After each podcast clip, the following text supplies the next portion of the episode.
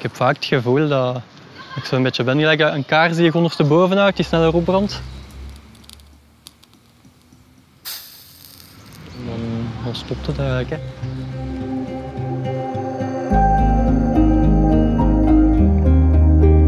Gekuierd. Gestapt.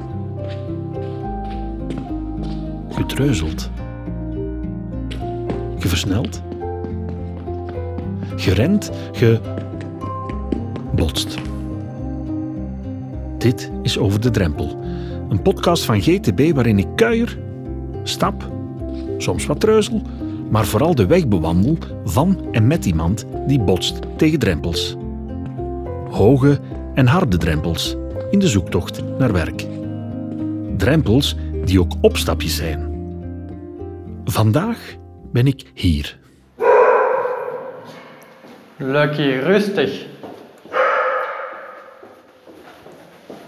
Wat is er? Ja, kom maar kijken. Ja. Ja, ga maar zien. Hallo. Amai, dag. Matthias. Wat een geweldige ontvangst. Wat een topdier ook. Hoe, hoe heet hij? Eh, hij noemt Lucky. Lucky. Ja. Amai, ik word helemaal lucky van Lucky, maar ook precies. Maar Lucky blijft vandaag thuis. Thuis in het appartement van Matthias. Thuis in het centrum van Diest. Oké, jij bent mijn gids, hè? ik volg u. Goed? Oké. Oké. Zullen we hier naar links gaan, Dominique? Die Dominique ben ik.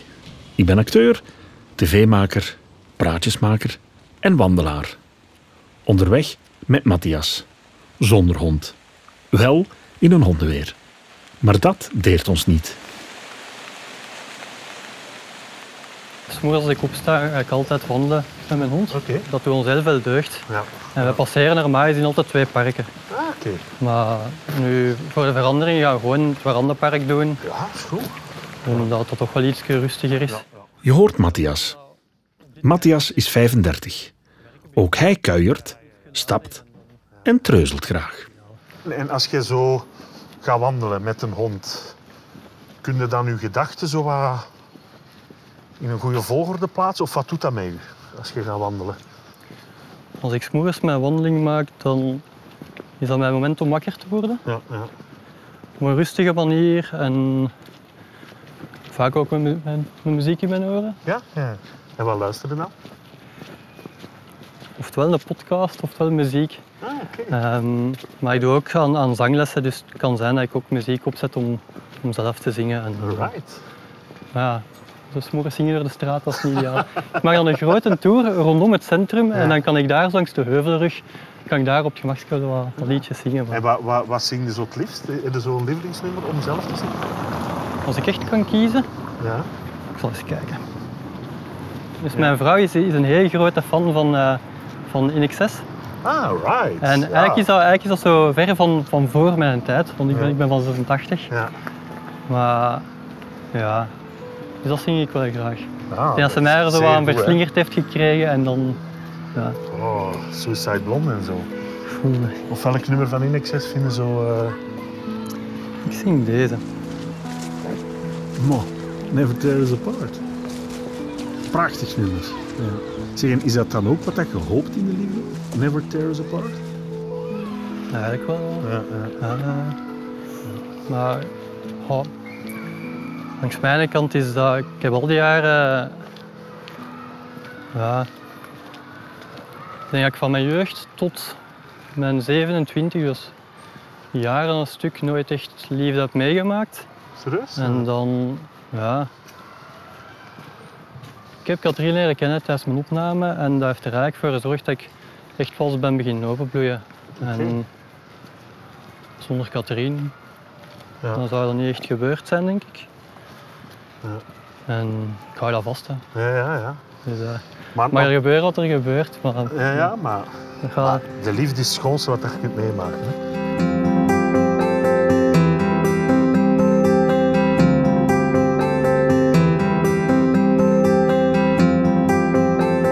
Maar helaas, dit is geen zacht verhaal over eeuwige liefde.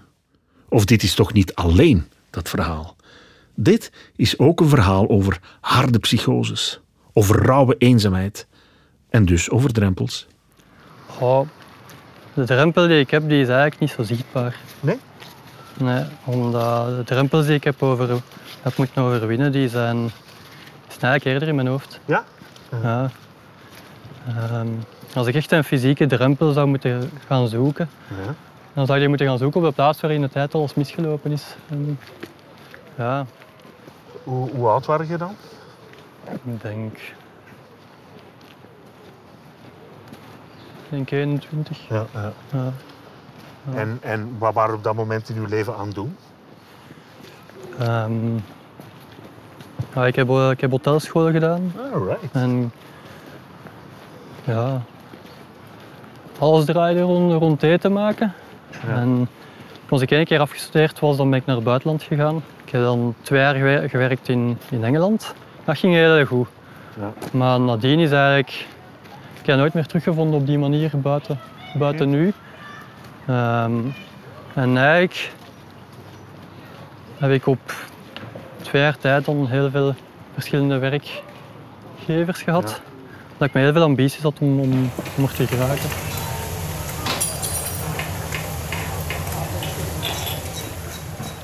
Je kunt het beschouwen als dat je aan topsport doet Ja? en dat je shift na shift meedraait. Ja. Dus dat is morgens 7 uur tot een uur of twee, drie in de namiddag. Ja. Even rusten en Ja. dan doordoen tot kot in de nacht. Ja. En heel veel couverts draaien, gelijk, gelijk een robot. Ja. En dan zag je eigenlijk op automatische piloot aan het draaien, aan het werken. Ja. Maar ja, super gezond is dat niet. Nee. Dus op heel korte tijd. Ik ben altijd wel redelijk, redelijk slank geweest, Ja. dat je me nu ook ziet. Maar Zeker. Ja. toen, toen was dat nog, ja, nog minder. Maar dat was gewoon dat je. Het is niet dat ik te weinig had, het was gewoon dat ik alles wat ik had ging, ging, Direct weg. ging, ging weg van, van, van het werken. En dan, Like een batterij die leegloopt eigenlijk. Ja. maar ik heb vaak het gevoel dat ik zo'n beetje ben gelijk een kaars die je ondersteboven houdt, die sneller opbrandt. Ja, ja, ja. En het heeft zich getoond in, in, die, in die latere jaren. Omdat die eerste twee jaar in de keuken die ging nog best oké. ja, ja, Maar daarna totaal niet meer. ja. Het is een paar keer fout gelopen en dan, ja, ja. dan loopt het niet meer zo goed. En, en eh, ze zeggen ook vaak, ik ken dat deels, van workaholics, hè, mensen die heel hard werken, werken, werken, dat die, eh, ja, dat die zich in iets storten omdat ze misschien van iets wegvluchten. Was dat iets herkenbaars? Of? Nee, niet echt. Nee. Nee. Ik denk niet dat ik echt zo dingen heb. Nee, het was echt puur, puur carrière proberen maken. Ja, ja, En echt beginnen zoeken naar hoe kan ik zo snel mogelijk aan, aan de top geraken. ja, ja. Dus ik heb de eerste twee jaar gewerkt en dan nog eens twee jaar daarbovenop. Ja. Op zoveel verschillende plaatsen dat niet, dat niet echt gezond was. Ja, ja, En ook niet echt iets opbouwen. ja. Wel een carrière en heel curriculum, maar Maar gaat niet echt een, misschien niet ergens een soort van nest slash thuisgevoel? Of daardoor? nee, niks. Goh, het is eenzaamheid alom. Ja, ja. Ja.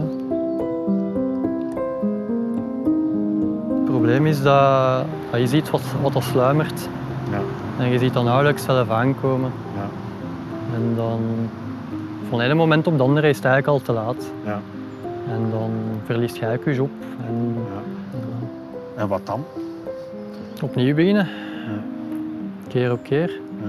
Dus de eerste keer dat het fout liep, vergeten, vergeven. Oké, schuld en schaamte, maar toch gewoon opnieuw beginnen. En dan, ja, pure slapeloosheid. Serieus? Omdat wat er eerst vooraf ging, was dat je dan heel hard aan het presteren bent. Ja. En dan waren de sterk in overdrive aan het gaan. En dan, je bleef maar doordoen aan één stuk. Ja. En dat is echt niet gezond. Maar op een bepaald moment dan kwam daar slapeloosheid bij kijken en dan, dan wanen en dan dingen zien dat er niet zijn en dan, dan stopt het eigenlijk. Hè. Dan, Dan stopt het. De kaars dooft. In de plaats komt een wolk van waanbeelden, komt een psychose. Ik probeer Matthias te laten omschrijven wat hij dan ziet, wat hij dan doet, hoe hij zich dan voelt. Goh. Niet al te plezierig. Ja. Niet al te fijn.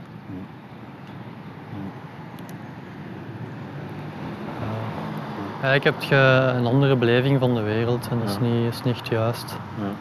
Ehm, dat komt omdat je al zo lang in, je, in jezelf gekeerd bent. Dat je, je hebt geen voeling meer met je omgeving. En als er niemand echt nog rondom je staat, dan kun je ook niet terugtrekken naar, naar, naar, de, naar de normale wereld. Op die moment is dat de wereld, dan is dat, anders, zou je niet, niet, anders zou je er niet in blijven zitten. Ja. Je denkt dat dat de realiteit is, ook al is dat niet zo. Je neemt dat voor waar aan, wat dat je ziet op dat moment of ervaart. Ja, volledig. We stoppen. We zien ons hier nu staan. Dit is nu onze normale wereld. Hier in het Warandenpark in Diest. We stoppen aan een openluchttheater. Een soort Romeins amfitheater dat leeg is. Maar Matthias zijn kop zit vol. Matthias als gladiator. Hij omschrijft zijn tegenstander en vertelt over zijn eerste opname. Eh, echt vervreemd zijn van de wereld, Ja. geen voeling meer hebben en ja. Toen denk ik dat ik een heel sterke noodkreet heb ge- gedaan. Ja. En ik heb echt gevraagd van kijk, haal de politie erbij. Je leefde in een waanwereld eigenlijk. En, en had wel wat schrik van jezelf dan? Of, of... Nee. Nee? Nee, dan nu ook niet echt. Maar ik was toen al dagen al een stuk niet meer aan het slapen. En dan, ja, hoe noemen ze dat? Deprivatie. Dat je zo echt Ja. helemaal leeg bent. En dan, ja. Het probleem is dat als je niet kunt slapen, dan je hunkert daarnaar om Ja. wel te kunnen slapen. En als het dan niet lukt, dan, ja, op een bepaald moment stopte dat. Ja. Maar zag jij jezelf dan vaak als een andere Matthias? Of, of hoe moet ik me dat inbeelden?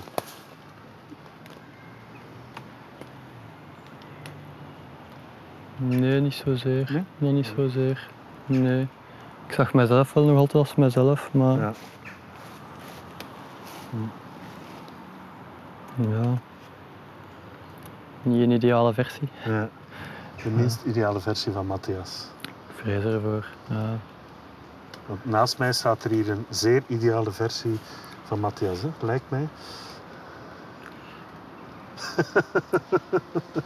ja, ja, toch? Ik weet het niet goed. Nee. Nee. Nee, dat zou te veel eer zijn. Nee. Ik ben heel blij met, met wie dat ik geworden ben uiteindelijk. Ja, Het is nu op zeven jaar tijd dat ik die, dat ik die eerste opname heb meegemaakt. Dat ik eigenlijk iets doorkreeg van, ja, hier, hier klopt eigenlijk iets niet. Ja. Het, is niet. Het is niet de moeite om zo verder door te doen. Ja. Deze dat kunnen niet, het is goed geweest. ja. En dan ben ik beginnen kijken naar wat kan ik doen om er wel te staan. En dat is eh, een, lange, een lange weg geweest om te herstellen. En, Ja. ja. Want we zijn nu eigenlijk op weg naar een plek die u daarbij geholpen heeft. Klopt dat? Ik denk dat ik nu, waar ik nu werk, is de plaats waar ik eigenlijk de laatste stappen zet om aan te voelen dat ik er volledig sta. Ja. Daarvoor had ik dat ook wel al, Mm. alleen dat nu toch een tikkeltje anders is. Ehm, nu, nu werk ik in zelf in een psychiatrisch ziekenhuis en ik ben begonnen in juli. Nee, Ik stel voor dat we er gewoon naartoe gaan wandelen. Dat we die drempel die jij hebt betreden, samen met u betreden. Wat denkt u? Dat is goed. Zolang als we niet uitglijden. Er liggen er veel bladeren en Ja, ja, ja. Want het is, het is inderdaad glad. Ja, Maar dat is het leven ook, hè. Soms. ja. Zeg maar goed voorzichtig, hond. En als we uitschuiven, dan krabbelen we wel recht, toch? Yep. Ik heb een goede gids mee, ik voel het. Van gladde blaadjes over een drempel van beton. Voilà, ja. Sint-Annendaal. We komen toe in Sint-Annendaal, in het psychiatrisch ziekenhuis van Diest. Het is niet de plek waar Matthias voor de eerste keer is opgenomen. Het is wel hier waar hij de drempel nam om aan de slag te gaan als ervaringsdeskundige om lotgenoten te helpen. Ehm, ik ben opgenomen geweest in een psychiatrisch ziekenhuis. Zeven jaar geleden. En tijdens die opname eh, heb ik best wel wat dingen bijgeleerd. En ik heb nu ook deelgenomen aan een paar dingen van te gek. En een van die dingen was een, was een project. Een stigma tegen mensen met psychische kwetsbaarheid.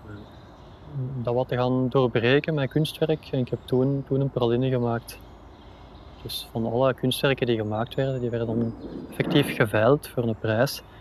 En mijn praline, het recept daarvan is opgekocht hier door het ziekenhuis. Echt waar? Schitterend. We gaan ons aanmelden? Oké.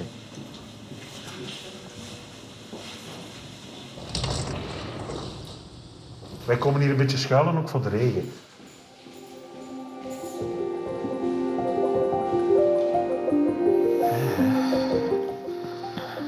Hier zijn we dan. Ja, hier zijn we dan. Matthias en ik. Onze wandelschoenen schuiven we onder de stoel, onze natte haren drogen. Er is ruimte om te praten. Iets wat Matthias eigenlijk nog niet zo heel lang kan. Nee, dat klopt. Dat klopt. Ik denk dat dat, uh, een persoonlijke evolutie waar dat je doorgaat. Ehm, durven spreken gebeurt niet vanzelf. Eigenlijk, ik heb het meegemaakt bij mijn eerste opname dat pas van het moment dat je dingen voor jezelf bespreekbaar maakt, dat je erover durft praten, is het moment dat je echt gaat kunnen beginnen groeien daarin. En als je daarin ondersteund wordt, en je krijgt al die handvaten mee om, om jezelf te leren ontplooien. Dat doet heel veel.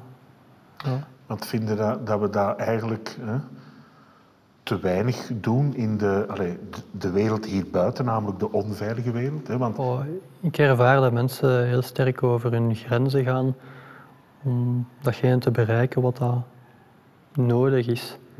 En dat is niet altijd zo gezond. En pas door te durven verwoorden wat er echt in je omgaat, ga je verbinding krijgen. Maar zonder die verbinding dan ga je effectiever over je grens en dan ja. De grens over. De drempel struikelend over. Zonder houvast. En ook de blauwe plekken verstoppen. Ja. ja. ja. Ik heb de eerste meegemaakt. Die is gekomen, die is gegaan. Een tweede, een derde, vierde, een vijfde. Maar die vijfde, ja, toen hield ik het niet meer uit. Toen heb ik me laten opnemen. Daarvoor dan was dat, had ik nog niet gehoord. Ik wist niet wat een psychose was. Die benaming alleen al. Er is een hele grote verwachting van dat eigenlijk iedereen even sterk dient te zijn. En dat, dat klopt niet echt. Eigenlijk zou ervan moeten uitgaan dat niet dat je voor het minste. Ik denk dat iedereen best veel draagkracht heeft. Het spijtige is dat er een verwachting is om altijd een stapje verder te gaan. Als iedereen zijn grenzen wat gemakkelijker zou kunnen en mogen aangeven, dat zou wel heel veel goed doen. Ja. Er wordt te veel verwacht van de mens. Ik vrees ervoor. Ja. ja.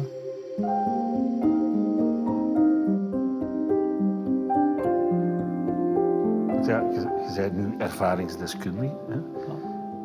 Je hebt, mag ik dat zeggen, bakken ervaring in het, uh, uh, in het kwetsbaar zijn? Of, of hoe, hoe, Het is meer dan dat. Omdat je zou kunnen zeggen van, oké, okay, als je zelf je psychische kwetsbaarheid en die periode hebt meegemaakt en meeleeft, dat je een ervaringsdeskundige bent. Maar het komt er eigenlijk op neer dat je nog verdere ervaring moet opbouwen. In de zin van dat je zo wat collectieve kennis moet krijgen doorheen, doorheen, doorheen de jaren. Dus ik heb heel veel gesprekken gehad met lotgenoten. Um, ook bij, als vrijwilliger bij veel plaatsen gewerkt. En dat zorgt ervoor dat je, meer, een bredere kennis opbouwt dan die van enkel je eigen kwetsbaarheid. En ja, ik ben getrouwd, mijn vrouw heeft ook een kwetsbaarheid. Mm. Dat draag je dan ook nog eens mee. Ja. Dat doet heel veel. Maar uh, wordt wel verwacht ergens dat je voldoende afstand kunt nemen van, van je eigen verhaal, ja. van hetgeen wat je hebt meegemaakt. Ja, ik zou me dat niet kunnen permitteren om bij het minste ja, bij zo'n spreken in tranen te gaan schieten. Dat, dat gaat niet. Dus ik heb wel die, die tijd genomen en, en opgebouwd om, om er te kunnen staan, er te durven staan. En dat, dat maakt dat dat gaat.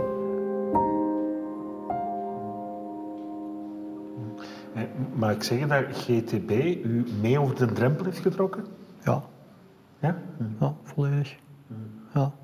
Eerst door ervoor te zorgen van dat ik eigenlijk kon zeggen dat mijn kwetsbaarheid ja, best wel positief is.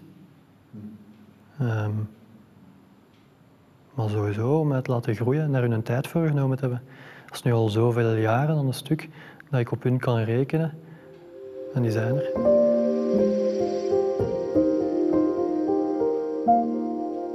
GTB is eigenlijk uh, datgene wat ervoor zorgt dat mensen met, met een beperking dat die ondersteuning vinden in hun zoektocht naar, naar werk. Dus samenwerkend met de VDAB, maar dan voor mensen met, een beperking. Want bij de een is dat tastbaar en bij de andere niet. Bij mij is dat door middel van de, de coaching die ik krijg op weekbasis. En bij mensen een fysische handicap is dat echt, zijn echt tastbare dingen, hulp, hulpmiddelen, hulpmaterialen. En bijvoorbeeld extra tijd die dat er nodig is om ergens te geraken. Uh, zijn Vlaamse steunmaatregelen. GTB zorgt ervoor dat die, dat die kenbaar zijn, dat die geweten zijn. Dus als je volledig van traject wilt veranderen, dan gaan ze kijken naar, oké, hoe kun je nu aan de slag gaan in een andere sector? Welke opleidingen, wat past er bij u? Wat kunnen u meegeven als om er tegenaan te gaan? Ik heb best wel wat van die, van die stappen uitgeprobeerd. Ik vraag hem hoe belangrijk die zijn, die handvaten. Zijn spreektempo versnelt. Ik wil kunnen werken met mijn kwetsbaarheid. Ik wil dat dat bespreekbaar is, ik wil dat dat geweten is. Ik wil dat ik gewoon mag zijn wie ik wil zijn en niet, niet iemand anders. Ik wil me niet moeten voordoen als iemand die... Ja... Ik heb die gehad in mijn cv. En ik wil er niet nog bij maken. Eigenlijk door je eigen kwetsbaarheid in te zetten, zal ik maar zeggen, helpt je ook gewoon andere kwetsbare mensen, toch? Ja, ik wel. Ja, volledig. Want, want wat zou er gebeuren moest je dat werk niet meer kunnen doen, denk je? Dan, uh, ja, zou het toch verdriet zijn. Ja. ja. Zou een heel groot verdriet zijn, gewoon omdat je, je hebt dat opgebouwd. Ja. En maar je hebt dat echt opgebouwd. Het ding is hem gewoon dat vroeger dan was dat werken met eten. En dat eten dat spreekt op een andere manier naar u terug, want dat is lekker. Um, nu, nu spreekt je met mensen. Die spreken wel terug. Ik vraag Matthias ook wat hij zou veranderen, mocht hij ons land besturen. Hetgeen wat ik zou veranderen, uh, per direct, hè, is dat um, toen in een tijd, ik, was aan het werken en je hebt zo'n hele hoop instanties erkend in België, allemaal erkend voor welzijn en preventie op het werk. En als je gaat kijken naar wat zij aanbieden van vormingen, van opleidingen, naar, um, naar werkgevers toe, naar werknemers toe, dan bieden zij een beetje een standaard aan. Brandveiligheid, eerste hulp bij ongevallen. En dan, um, om zo niet ziek te vallen, dan zeggen ze um, stress en burn-out. Nu, dat klopt niet helemaal. Waarom? Omdat toen in een tijd, toen als ze gewoon gezegd op mij, tegen mij op mijn werk, van dat ik niet spoorde. Maar eigenlijk betekende van, ah oké, ja, je gaat dan naar een dokter. En bij mij was dat van, oké, ja, hier stopt je job. Nee. Um, maar dat klopt niet, want dat was niet door stress, dat was niet door een burn-out. Bij mij was dat een psychose. Uh, ja, maar daar wordt niet echt vorming over. Er is geen opleiding voor werkgevers en werknemers waar er staat van oké, nu gaan we het hebben over, over psychose, over depressie, over stemmingstoornissen, over gedragsproblematieken, over mensen met een verslaving richting... En zo gaat Matthias nog even door tot er opnieuw een stilte valt. Tot hij opnieuw bewust inademt. Het ambetanten is dat de wereld draait niet rond mij. En op mijn job hier in het ziekenhuis, dan de mensen die opgenomen zijn, die komen toe in opname, hebben het niet super gemakkelijk. En dan mag ik mij goed voelen, daarmee gaan zij zich ook niet goed voelen. En ja, Maar je kunt ze wel helpen om een drempeltje over te gaan, niet? samen, hè. maar niet alleen. Ja. Want eh, wat zou de, de Matthias die hier nu naast mij zit, eh, als ervaringsdeskundige, hè, zeggen tegen de Matthias van zeven jaar geleden? Ja, gewoon dat het wel goed zal komen. Ja. Ja, ik denk dat ik best wel de, de diepste wateren doorzwommen heb die dat er zijn. Maar dat zou niet opgeven. Zelfs in die diepste wanhoop dan toch nog ja, blijven ademen.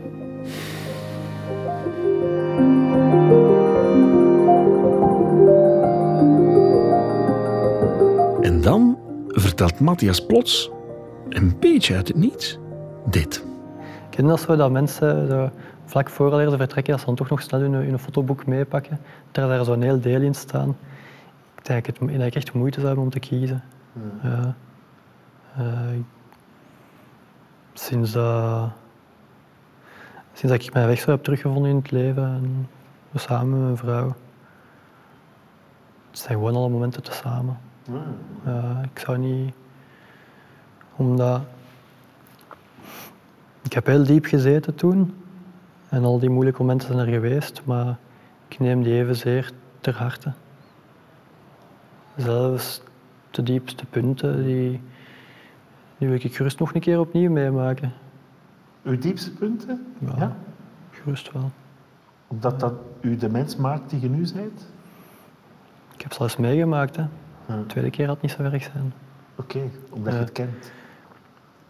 En wat is daarin zo de meest verschrikkelijke dag geweest? Of dat valt waarschijnlijk ook niet in een dag uit te drukken, maar het meest verschrikkelijke gevoel in, in uw wereld toen?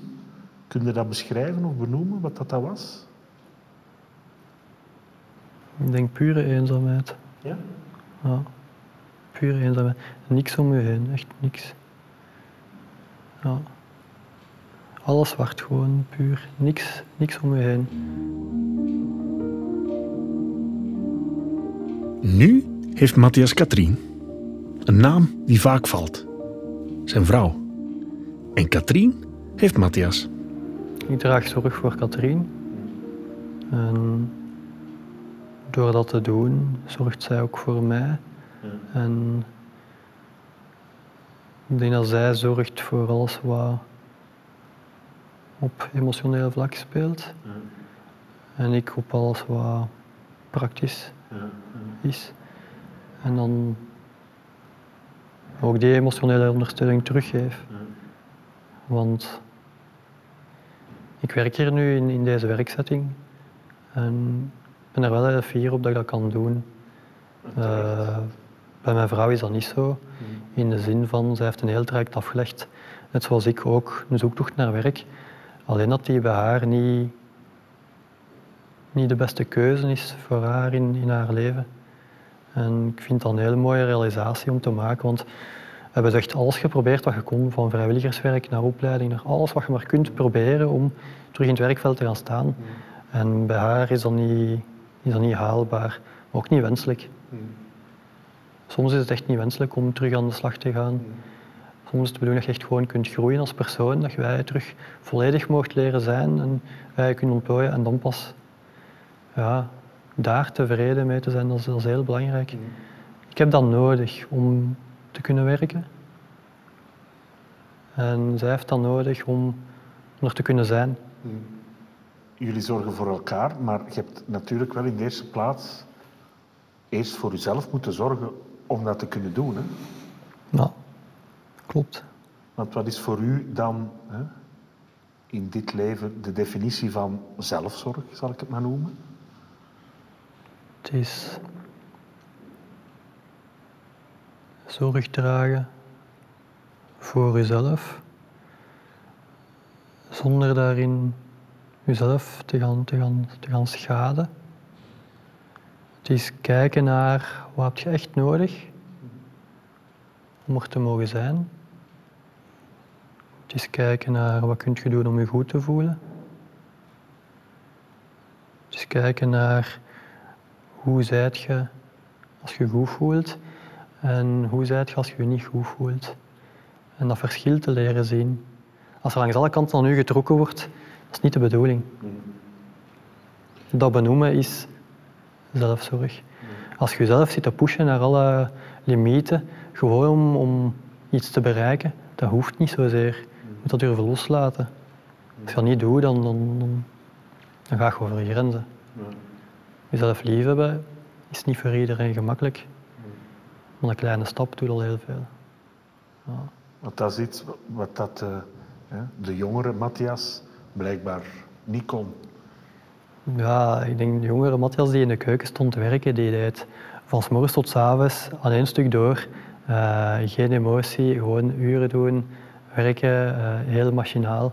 En automatisch piloten en gewoon doordoen.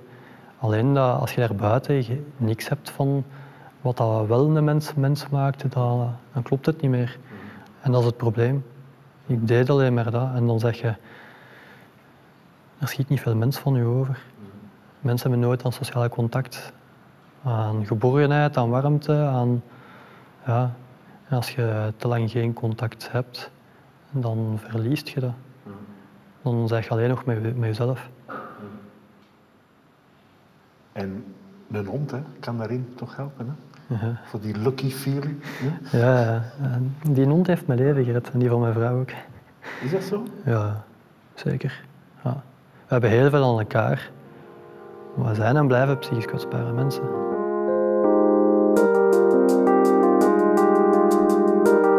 Stel, dat is een heel moeilijke vraag, ik weet het. Maar stel dat uw leven tot nog toe zou verfilmd worden. Welk genre van film zou dat zijn? Welke titel zou dat kunnen hebben? Eh, wie moet er u spelen?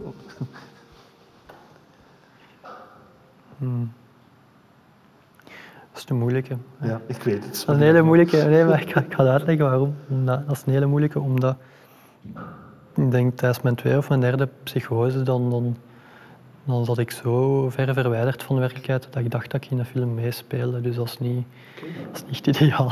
Sorry voor de vraag. Ehm, ik weet niet hoe ik de film zou noemen. Ik weet het niet. Ja. Ik denk dat ik hem.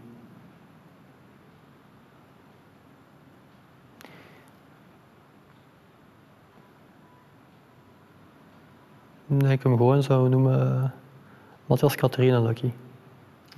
Niet meer en niet minder. Ja. Dat is al jaren aan een stuk dat we er samen voor gaan. En ja, we doen het toch maar. Hè. Losstaande van alle obstakels dat je kunt tegenkomen.